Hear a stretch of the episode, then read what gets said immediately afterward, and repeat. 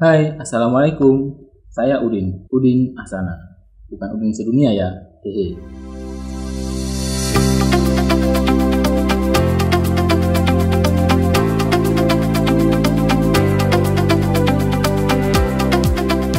Selamat datang di podcast saya, podcast Serbaguna.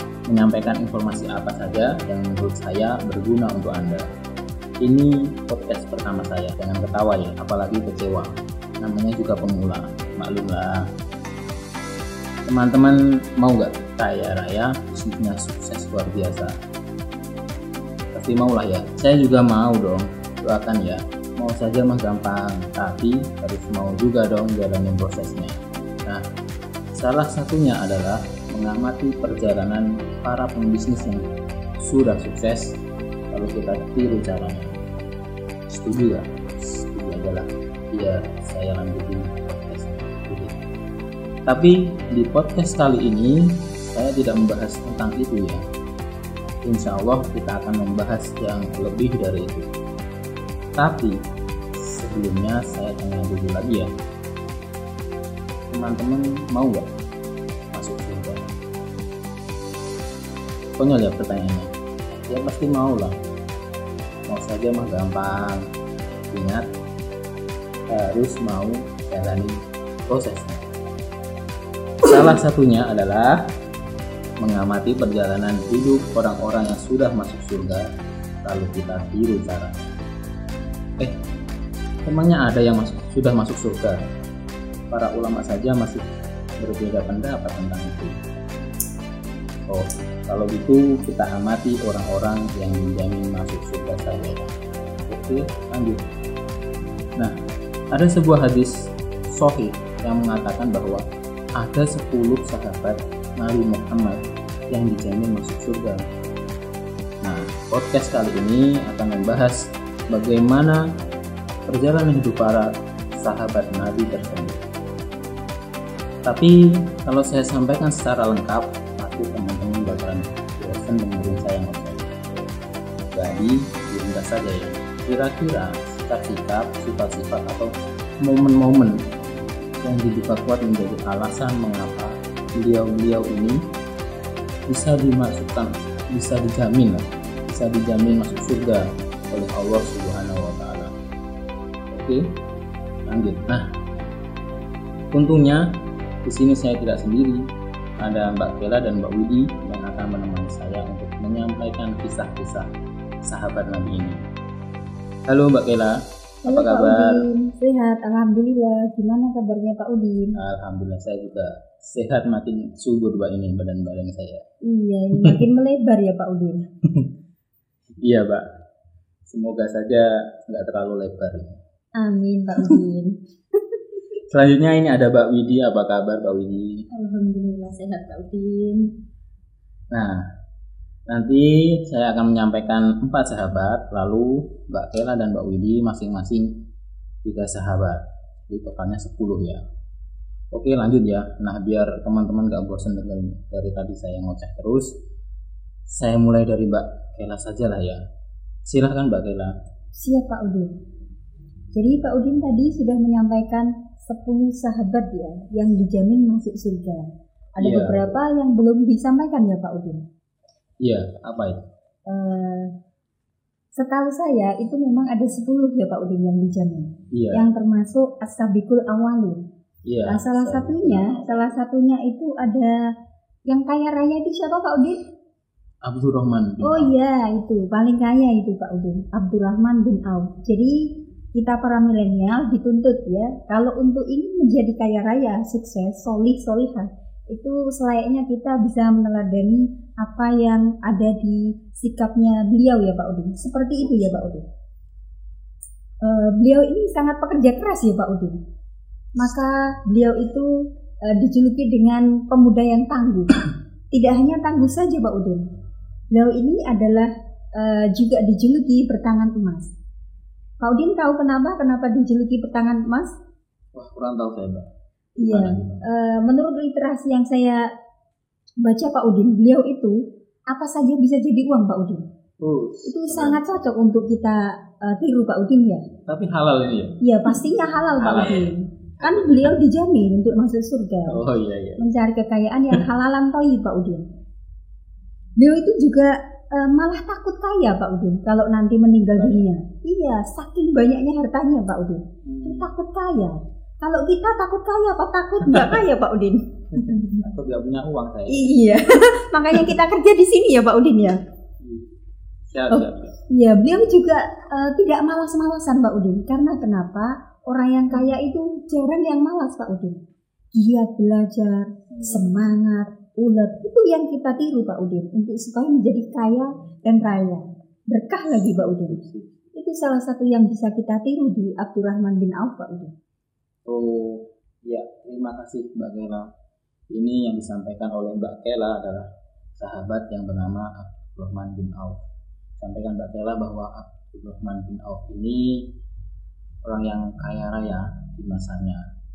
Dan kalau nggak kalau nggak salah dengar saya tadi Mbak Kela ini, beliau sampai takut dengan hartanya. Iya. Artinya beliau ini kan orang yang warok Iya, sampai istilahnya takut ya kalau menggunakan hartanya ini salah padahal sudah diberikan Allah kelebihan harta bukan Betul. takut miskin ya Pak Udin. Tapi Iya. takut kaya ini Pak Udin. takut artinya enggak takut sangat berhati-hati lah Iya, karena ada sebuah eh, mungkin ini hadis Pak Udin. Kalau harta itu di tangan orang yang sangat soleh solehah yang beriman itu harta itu akan lebih mulia Pak Udin daripada harta yang di tangan orang yang salah. Nanti bisa dihambur-hamburkan Pak Udin seperti itu. harta harta yang berkah siap Hmm. siap nah selanjutnya Mbak Widi ini Giliran Mbak Widi silahkan Mbak Widi mau menyampaikan sahabat Nabi siapa dulu monggo Mbak Widi Iya, terima kasih Pak Udi. Saya mau menyampaikan mengenai Tolah bin Ubaidillah. Tolah bin Ubaidillah ini merupakan sahabat Nabi dari kaum Quraisy. Beliau ini mendapatkan dua gelar. Yang pertama Al-Qarinain. Al-Qarinain ini artinya sepasang sahabat yang mulia. Sepasang sahabat ini siapa yang dimaksud? Yaitu tadi Tolah bin Ubaidillah dan Abu Bakar.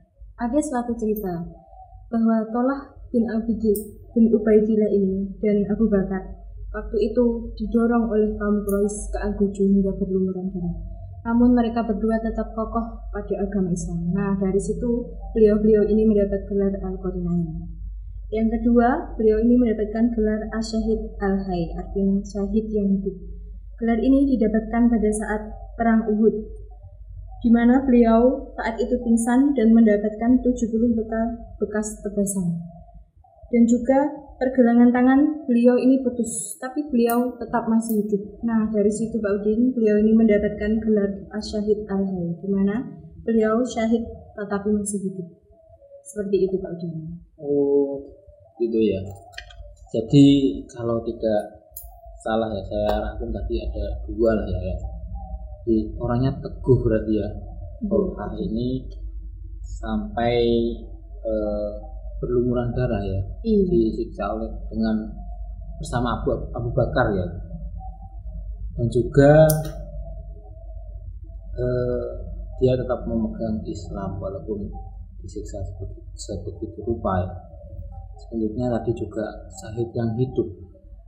Sahidnya masih hidup? Sahid yang hidup ya, Syahid yang hidup. Sahid yang hidup. Jadi kalau salah tadi maksudnya itu di medan perang hampir wafat ya, Iya, hampir wafat Pak. Tapi hampir wafat, wafat tetap bertahan tapi walaupun tetap bertahan.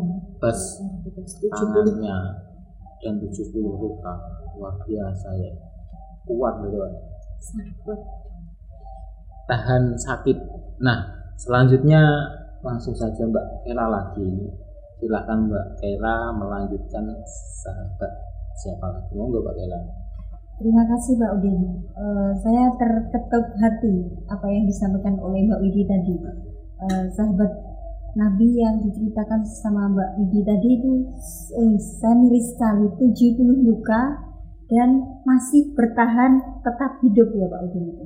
iya Dan saya akan menjelaskan atau menceritakan sahabat Nabi yang bernama Sa'ad bin Abi Waqqas. Sa'ad bin Abi Waqqas ini juga termasuk orang yang dijamin masuk surga oleh Allah Ta'ala Pak Udin. Karena kenapa?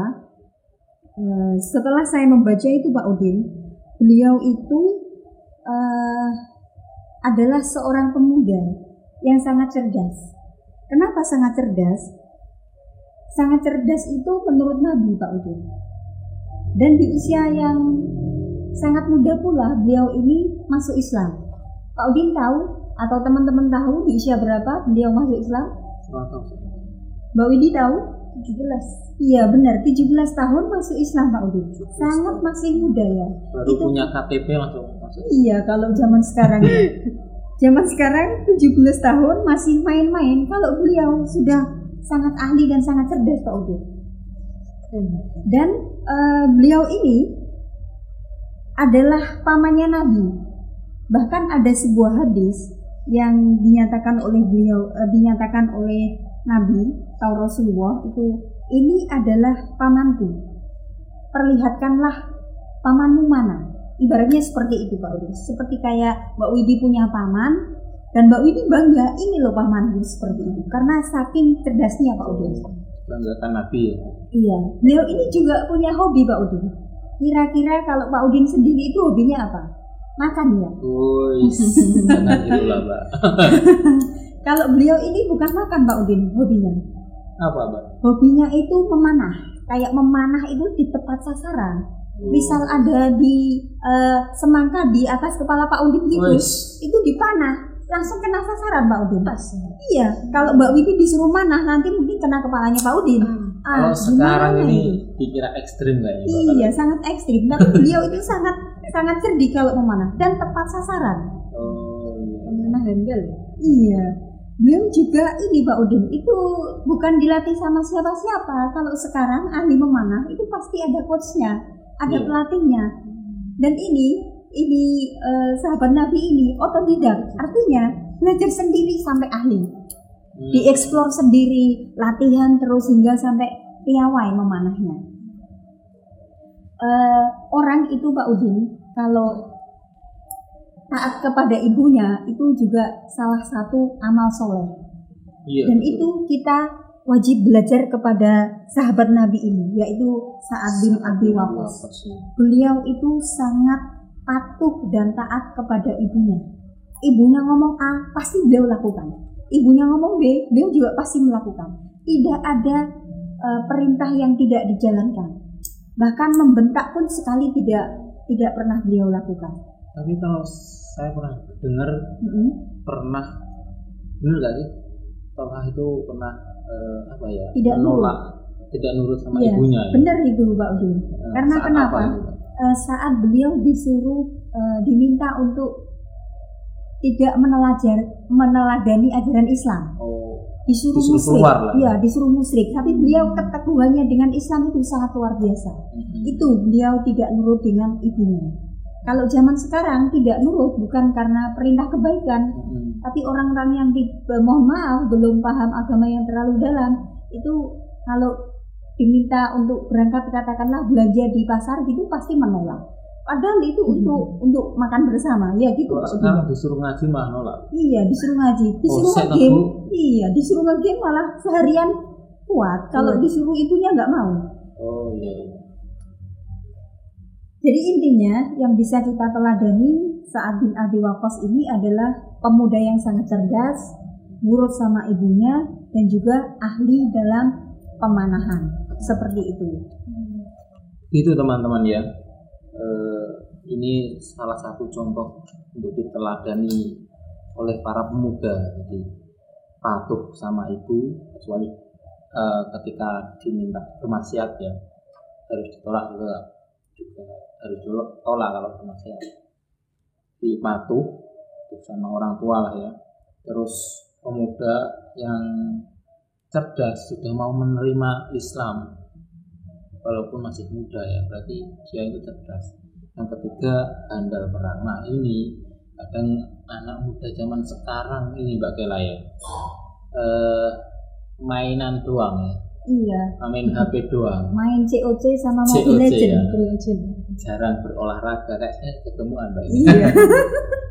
perluin olahraga belajar memanah dan lain sebagainya. Insya Allah semoga diberi fasilitas Allah mbak ya Amin. bisa beli. Amin. Amin. siap siap. Selanjutnya eh, kepada Mbak Widi lagi Mbak Widi. Silahkan Mbak Widi sampaikan siap sahabat siapa lagi ini. Iya, selanjutnya ada Abu Ubaidillah bin Jarrah. Ini kalau mendengar nama beliau ini ada satu cerita ekstrim pada saat perang Badar.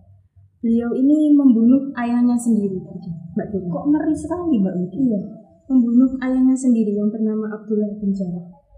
Tetapi beliau ini yakin bahwa yang dibunuh ini bukan ayahnya, tapi adalah memerangi dari karakter kemusyrikan ayahnya. Oh begitu. Iya. Kemudian selain itu juga beliau mendapat gelar orang kuat yang terpercaya. Nah ini kenapa kok Nabi Muhammad sampai memberi gelar orang kuat yang terpercaya ini? Karena beliau ini pernah dikirim oleh Rasulullah menjadi hakim tentang harta yang menyebabkan perselisihan. Tapi perselisihannya itu di kaum Nasrani. Oh begitu.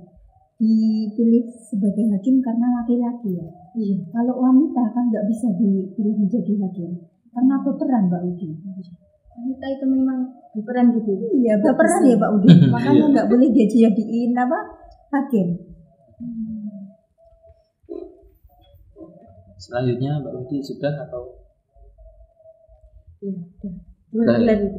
dua gelar itu jadi Abu Ubaidah bin Jarrah di anaknya Pak Jarrah kalau di kalau sekarang Pak Jarrah. Jadi kalau tidak salah dari Mbak Mbak Widi ya secara singkat lebih spesifik ya. Jadi kalau orang dijamin masuk surga itu kan sudah pasti imannya oke. Oke. Eh, sudah pasti sama sesama itu juga Hmm. juga oke. Nah ini lebih spesifik lagi, beliau itu eh, pengorbanan ke Islamnya lebih besar ya, sampai-sampai rela membunuh ayahnya. Ayahnya. Tapi beliau apa tadi mbak Eh, yakin. Yakin untuk membunuh ayahnya itu bukan karena saya membunuh anak ayah saya, Ayah. tapi saya membunuh kemusyrikan gitu ya yang ya. ada di dalam ayahnya. Luar biasa. Tetapi selain juga eh, jadi hakim mbak ya tadi, Iya. hakim di kalangan orang Nasrani. Nasrani. Nah, jadi orang Islam saja, eh, orang Nasrani saja ya mempercayakan hakim ke beliau. Berarti kan beliau itu adalah orang yang jujur, adil. Adil. Nah, ini mungkin untuk para hakim di Indonesia kali ini Iya. ini bisa jadi contoh suri tauladan. suri taul suri tauladan yaitu Abu Ubaidillah. Nah, baik selanjutnya eh, ke Mbak Kela lagi nih. Nomor Mbak Kela nomor tiga Iya Pak Udin. selanjutnya. Monggo Mbak Kela. Saya akan menceritakan tentang Zubair bin Awam. Tadi saya eh, melihat percakapan dari Mbak Widi tentang hakim ya. Ya, hakim yang sangat dipercaya. Bisa jadi contoh bagi hakim-hakim para bukan Indonesia saja teman-teman, tapi hakim untuk para dunia. Nah ini saya ingin menceritakan tentang Zubair bin Awam ini kalau saya tadi menceritakan tentang saat itu masuk Islam kan usianya 17 tahun Pak Udin. Iya. Ini lebih muda lagi Mbak Widi. Wah, luar biasa. Berapa Pak eh, berapa Pak Udin kira-kira? Siapa Mbak ini? Ini Zubair bin Awam. Zubair bin Awam. Iya, Zubair bin Awam ini masuk Islam di 12, usia 12. sangat belia. 15? Iya benar, 15, sudah 15. masuk Islam. 15 masuk Islam ini eh, karena kenapa? Dia terketuk hatinya, diajak para sahabat untuk memeluk Islam. Keistimewaan semua para nabi itu kan berbeda-beda Pak Udin. Iya. Kalau di sini beliau ini eh, dijuluki pembela nabi. Pembela Nabi. Iya. Eh, bahkan Nabi pernah bersabda, setiap orang itu mempunyai pembela dan pembelaku adalah ya ini Zubair bin Awam. Itu Rasulullah sendiri yang menyatakan Pak Udin. Hmm. Dan kalau ada orang, eh, kalau semisal kita sebagai eh, tetangga atau sebagai teman, kalau kita di dibela gitu kan seneng ya Pak Udin. Apalagi ini membelanya, membela Rasulullah. Pasti itu kan sangat mulia sekali. Dan Hmm. beliau ini juga mau berkorban, mau berkorban kepada Nabi bukan karena eh, family, tapi mau berkorban dengan Nabi itu karena beliau ingin eh, menebar kebaikan di jalan Allah. Itu yang patut kita teladani. Bukan untuk Islam Iya, berkorban untuk Islam, bukan semata-mata eh, kekerabatan, tapi memang kepingin kebaikan supaya amal solehnya itu sampai nanti. Itu saja yang bisa saya sampaikan tentang Zubair bin Awam, Pak. Oh siap siap siap setidaknya ada dua yang saya simpulkan mbak tadi eh, pembela pembela Nabi ya Iya. pembela Nabi apakah itu maksudnya eh, mungkin ketika perang itu sering mendampingi Nabi atau eh, apa bentengi Nabi gitu Iya, supaya Nabi itu tidak terluka, atau supaya Nabi tidak diserang oleh musuh-musuhnya. selalu Jadi selalu Nabi gitu ya, selalu saat perang. di garda depan, oh, seperti itu. sama pengorbanannya yang besar tadi ya untuk Islam. Nah selanjutnya Mbak Widi lagi, Mbak Widi yang ketiga untuk sesi selanjutnya Mbak Widi saya persilahkan monggo. Iya. Ini ada lagi wakil sama Pak Udin yaitu selanjutnya Said bin Zaid. Sa'id bin Zaid. Siapa ya, Mbak? Said bin Zaid. Ini merupakan salah satu sahabat Nabi yang mendapat julukan As-Sabiqul Awalin juga. Karena kelompok sahabat ini memeluk Islam pada masa-masa awal. Beliau ini memeluk Islam pada usia 20 tahun, sama mudanya. Beliau ini mengabdikan seluruh hidupnya untuk kepentingan agamanya. Nah, kenapa bisa dikatakan demikian? Kenapa Karena pada setiap seluruh perang, kecuali perang Badar, beliau ini ikut serta di Oh, dalam. ikut terus perang. Sangat kuat berarti Sangat kuat Selain itu Mbak Kira dan Mbak Udin, juga teman-teman, beliau ini tidak mau memakan daging kurban yang disembelih kalau tidak atas nama Allah. Kenapa kok seperti itu? Ya haram loh Mbak. Oh, ya. iya, kok pertanyaan konyol ini ya? beliau ini sangat teguh Mbak Kira pada agama Islam. Yang kedua ini beliau dijuluki ahli ibadah yang doanya sering kali dikabulkan. Hmm. Bahkan ada sebuah cerita Mbak Kira dan Mbak Udin. Iya. Pada saat itu ada seorang wanita bernama Arwa. Siapa? Arwa.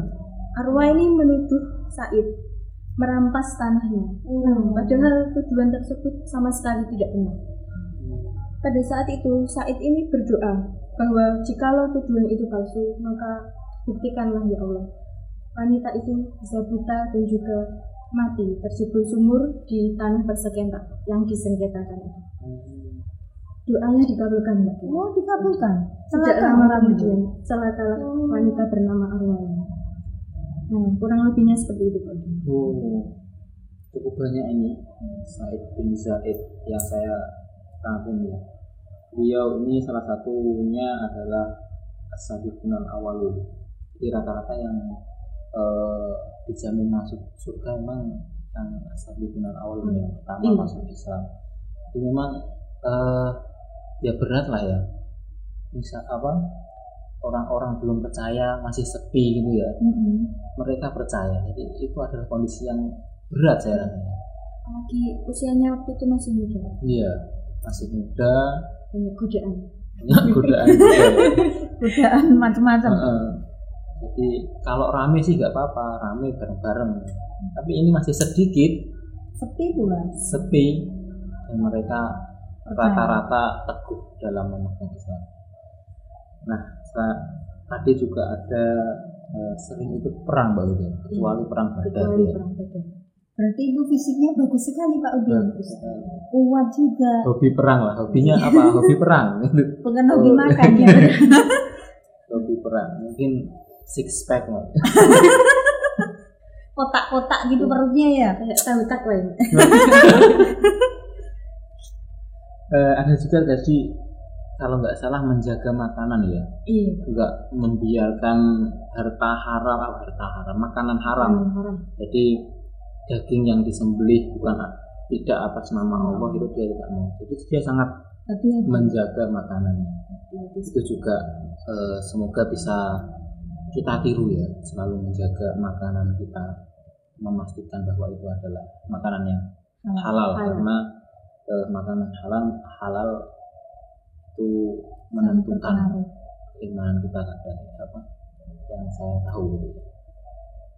Selanjutnya ada kisah dituduh ya, Iya, dituduh merampas tanah. dituduh merampas tanah. Berarti itu Tapi beliau sabar, Mm-mm. cuma berdoa. Berdoa. nah, Berdoanya dikabulkan.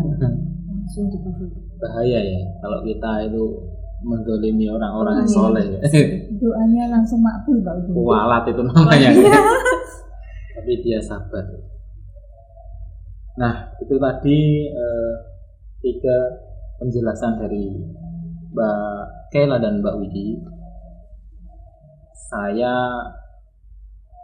yang jadi penutup lah ya empat selanjutnya. Jadi tadi kan sudah ada enam. Eh, diulangi siapa Mbak Kela Abdurrahman Abdurrahman bin bin Auf Widi tadi Tullah bin Ubaidillah. Tolhah bin Ubaidillah yang ketiga tadi Sa'ad bin Abi Waqqas. Sa'ad bin Abi Waqqas yang keempat Abu Ubaidillah bin Jarrah. Abu Ubaidah bin Jarrah yang kelima Zubair bin Awam. Zubair bin Awam dan yang terakhir tadi yang masih. Ada Said bin Sa'id Zaid. bin Zaid nah selanjutnya saya eh, akan menyampaikan empat sahabat Nabi eh, yang dijamin masuk surga. Jadi seharusnya yang di awal-awal ya karena ini sahabat terdekat Nabi. Ring satunya ya. ring satu.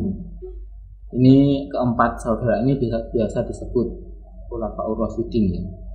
Ada yang tahu Khulafaur Rasyidin. Salah satunya yang saya tahu itu Utsman bin Affan. Iya empat khalifah setelah eh, kepemimpinan Nabi ya. beliau beliau ini menggantikan eh, kepemimpinan Nabi untuk mengurus atau apa eh, mengatur lah mengatur memimpin umat Islam sebagai pemimpin jadi empat tadi jadi eh, pemimpin kalau keempat ini adalah pemimpin yang amanah. Kalau di hadis itu kan banyak menyampaikan eh, ancaman-ancaman. Pemimpin pemimpin yang tidak amanah itu ancamannya neraka. Balik ya. jadi kalau dia dijamin masuk surga berarti kepemimpinnya kepemin, kepemimpinannya angel kan. Kepemimpinannya itu sudah eh, teruji teruji bagusnya. Jadi siapa beliau adalah Abu Bakar Umar Umar. bin Khattab Utsman bin Affan dan Ali bin Abi Thalib. Eh, beliau juga eh, sebagai pemimpin juga memutuskan kebijakan kebijakan umat Islam di menentukan kebijakan yang sekiranya jangan sampai apa melanggar melanggar hukum dan juga mereka juga melanjutkan misi Nabi untuk menyebarkan Islam ke seluruh dunia. Beliau-beliau ini juga memimpin dakwah untuk menyebarkan Islam dan eh, berjihad kalau memang diperlukan. Yang pertama saya ulas tentang Abu Bakar. Abu Bakar ini adalah orang kepercayaan Rasul ya. Jadi beliau ini eh, dipercaya Rasul yang mendampingi hijrah Rasul. Dia dipilih untuk menemani hijrah Rasul. Jadi kan beliau sangat percaya dengan Abu Bakar. Selain itu bisa disimpulkan bahwa beliau ini orang yang eh, apa ya berani lah. Hijrah itu kan taruhannya nyawa. Mm-mm. Waktu hijrah kan Nabi kan dikejar oleh para Quraisy ya untuk Dihadang. itu ya dihadang. Jadi taruhannya itu nyawa, tapi beliau berani. Yang kedua teman pertama Oh, teman yang pertama. mempercayai Nabi. Jadi eh, kalau bahasa Jawanya, oh iya, bahasa Tuban ya, konco plek Oh, Konco konco plek. plek. Kendel. konco kental kental, iya konco kental.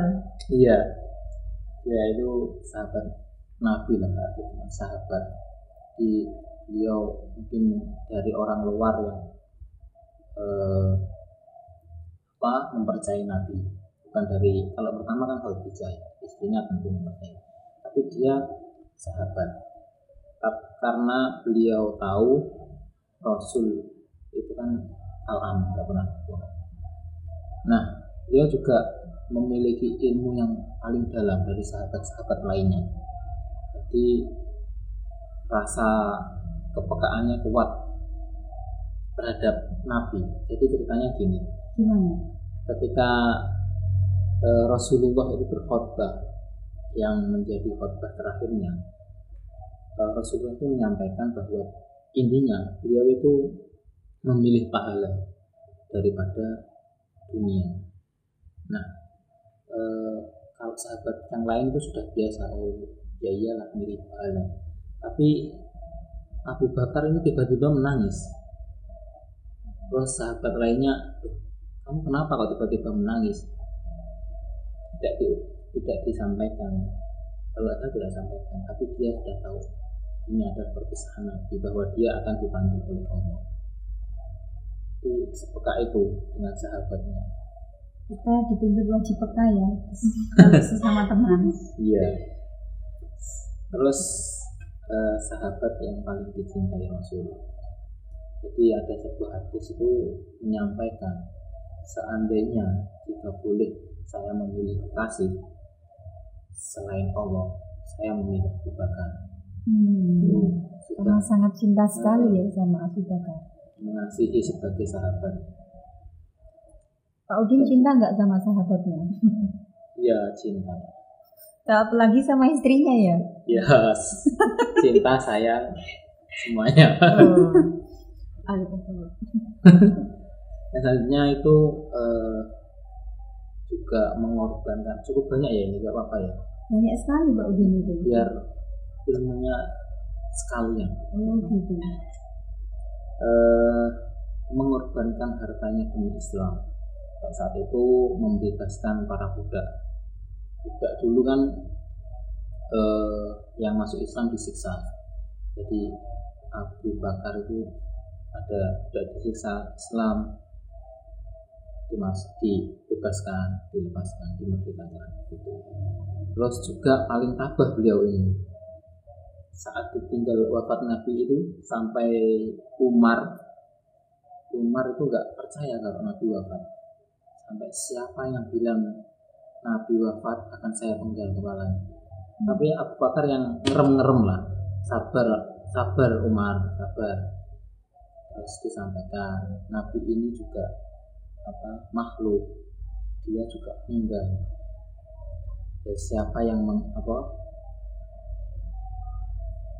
siapa yang menuhankan Nabi ya maka Nabi telah meninggal. Jadi Nabi itu bukan Tuhan. Dia bisa meninggal juga. Tapi siapa yang menuhankan Allah Allah itu kekal. Jadi Allah lah Allah lah Tuhan kita eh, beliau Abu Bakar itu juga ternyata yang melestarikan Al-Quran. Dia berjuang setiap ada wahyu turun dia kan sahabatnya Nabi. Mm-mm. sahabatnya Nabi eh, ketika Al-Quran turun dia tulis di tulang-tulang di kulit-kulit kulit hewan ya. Jadi eh, ketika wahyu turun disampaikan Abu Bakar dan para pengikutnya Nabi Abu Bakar yang ada di tulang di kulit dan lain Abu Bakar ini juga seorang Hanafiyah yang artinya sebelum masuk Islam itu dia sudah eh, sangat baik. Tidak menyembah berhala Baik tidak, dari sananya ya berarti. iya, tidak minum minuman tidak main cewek gitu ya. Hmm, Playboy gitu ya.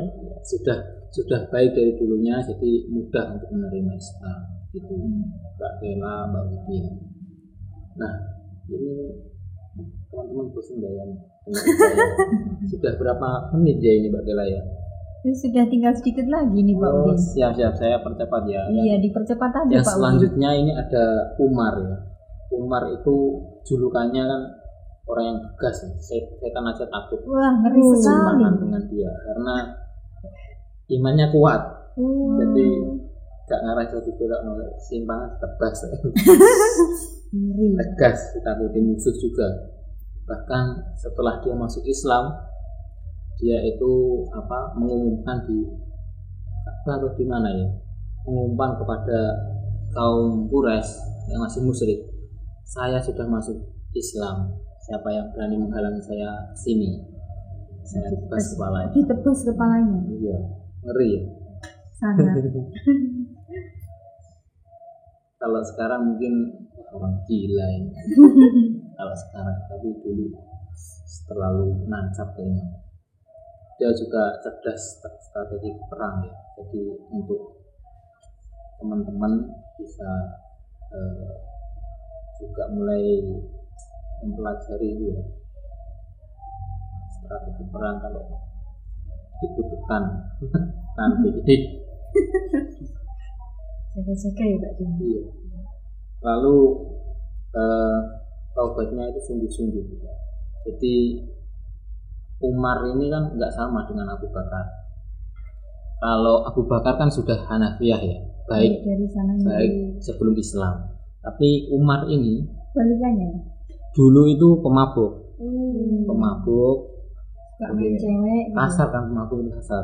Tapi setelah menerima itu atas kecerdasannya itu menerima kebenaran langsung dia sungguh-sungguh eh, tidak semua itu ditinggalkan jadi Langsung serius masuk Islam. iya, serius memperbaiki diri dan dan mengembangkan Islam dengan sungguh-sungguh juga Said terus yang mengejutkan ternyata Umar itu kalau apa di bahasanya ya diomengi istrinya atau apa sedang istrinya sedang Marah. agak marah gitu ya. Mm-mm. dia diam. Oh, Kok mungkin aneh Pak Udin? Kan mungkin dia sedang lah. lelah. Iya. Sampai-sampai itu sahabatnya itu kaget. Keluar itu. Ya Umar eh, kamu kok takut sama istrimu? Bukan begitu. Saya itu ya eh, apa menghormati istri saya semua sudah rumah ini sudah di handle sudah apa di rumah lah di rumah itu Udah dirawat. Heeh. dan yang anak-anak. yang paling utama itu karena kalau jawaban Umar ya karena istriku inilah saya terhindar dari maksiat Oh. maksiat zina maksudnya ya nah selanjutnya ada Usman Usman ini yang julukannya Sunurain atau pemilik dua cahaya. Jadi beliau ini eh, menikahi dua putri Nabi. Setelah meninggal satunya diminta Nabi untuk menikahi. Betapa mulianya. Nah beliau itu dermawan. Yang paling masyhur ya ceritanya beliau membeli sumur rumah namanya untuk kaum muslimin. Karena dulu itu sempat kekeringan muslimin beliau membeli dari orang Nasrani tak beli terus dibagi-bagikan gratis Dibeli setengahnya atau dibeli semuanya Pak Udin? setahu saya awalnya setengahnya karena kecerdasannya setengahnya dulu terus orang Yahudi atau Nasrani Yahudi kayaknya ya. Mm-mm. terus eh, kok merasa rugi karena Usman Usman itu menggratiskan jadi Muslim itu yang awalnya beli ke Yahudi terus jadi gra- digratiskan Usman jadi setiap giliran hari giliran orang Yahudi ini nggak dapat uang. Jadi orang Muslim ngambilnya di giliran Usman jadi merasa rugi ya sih jual seluruhnya saja. Ya ini dapat julukan Abu Laila sebelum masuk Islam itu. Apa itu Abu Laila? Beliau itu sangat ramah dan lemah lembut pada sesama Supel gitu ya kalau Iya, bahasanya sekarang. ramah lah monggo Pinara. kalau teman saya itu ada Mas Arjun namanya Oh. Eh, jadi monggo Mas gitu Kayak kejawen gitu Iya. ya. Iya. ramah orangnya lemah lembut Hmm. terus lama ya Lama Pak Udin. ini kurang sedikit lagi Kurang sedikit beliau lagi. itu ternyata yang meneruskan perjuangan Abu Bakar. Jadi Abu Bakar kan tadi men- menulis mushaf itu di kulit di tulang. Nah beliau ini yang kumpulin jadikan mushaf Al-Quran. Hmm. yang lainnya itu di kulit di tulang itu dibakar semua. Oh. itu. Beliau juga sahabatnya Abu Bakar sebelum masuk Islam itu. Ceritanya kan beliau diajak Abu Bakar Oh. seorang Hanafiah juga Iya, sudah iya. baik dari dulunya yang terakhir ini Ali Ali ini eh, yang terkenal itu kan beliau menggantikan apa tidur Nabi saat Nabi mau dibunuh kan Oh iya iya iya. Berani. Yaitu sampai eh, mengorbankan nyawanya lah masalahnya Hmm. jadi kan Nabi mau dibunuh waktu tidur Nabi ini kalau jenengan tidur di sini bahaya ini nanti biar saya aja yang tidur jenengan Digantikan gitu ya. iya mencari tempat lain biar tidak ketahuan jadi kalau orang sekarang ya Hmm. kayaknya nggak ada seberani itu Diajak berlindung aja. iya Bukan digantikan. Diajak sembunyi. Iya, kan? Tapi kalau Ali digantiin ya. digantiin biar tapi di depan itu sudah ada pengintaian mbak. Oh. jadi diintai itu oh Nabi Muhammad masih tidur. Nanti aja kalau sudah larut mungkin dia mau dibunuh ternyata itu yang tidur Ali. Dan Nabi Muhammad lari itu sama Abu Bakar eh, menyelamatkan diri. Beliau itu juga menjadi hakim saat eh, masa kekhalifahan Umar ya. Di karena eh, itu juga menjadi alasan juga ya jadi hakim yang adil ini. Dan bisa masuk surga. Terus yang terakhir yang terakhir tentang Ali beliau sederhana. Oh, sederhana. iya jadi salah satu kisah itu eh, sahabat itu heran Ali kenapa kok bajumu itu kok itu itu saja sih. Nggak pernah ganti berarti. jarang tadi Oh. jadi jadi kesederhanaannya se- seperti itu. Kalau orang sekarang nggak kayak gitu ya. setengah hari beli ganti. beli beli baju. Numpuk kalau orang sekarang kan numpuk numpuk baju. Nah saya rasa itu eh, dari kita ya. Teman-teman semoga mendapatkan inspirasi mendapatkan Ibro.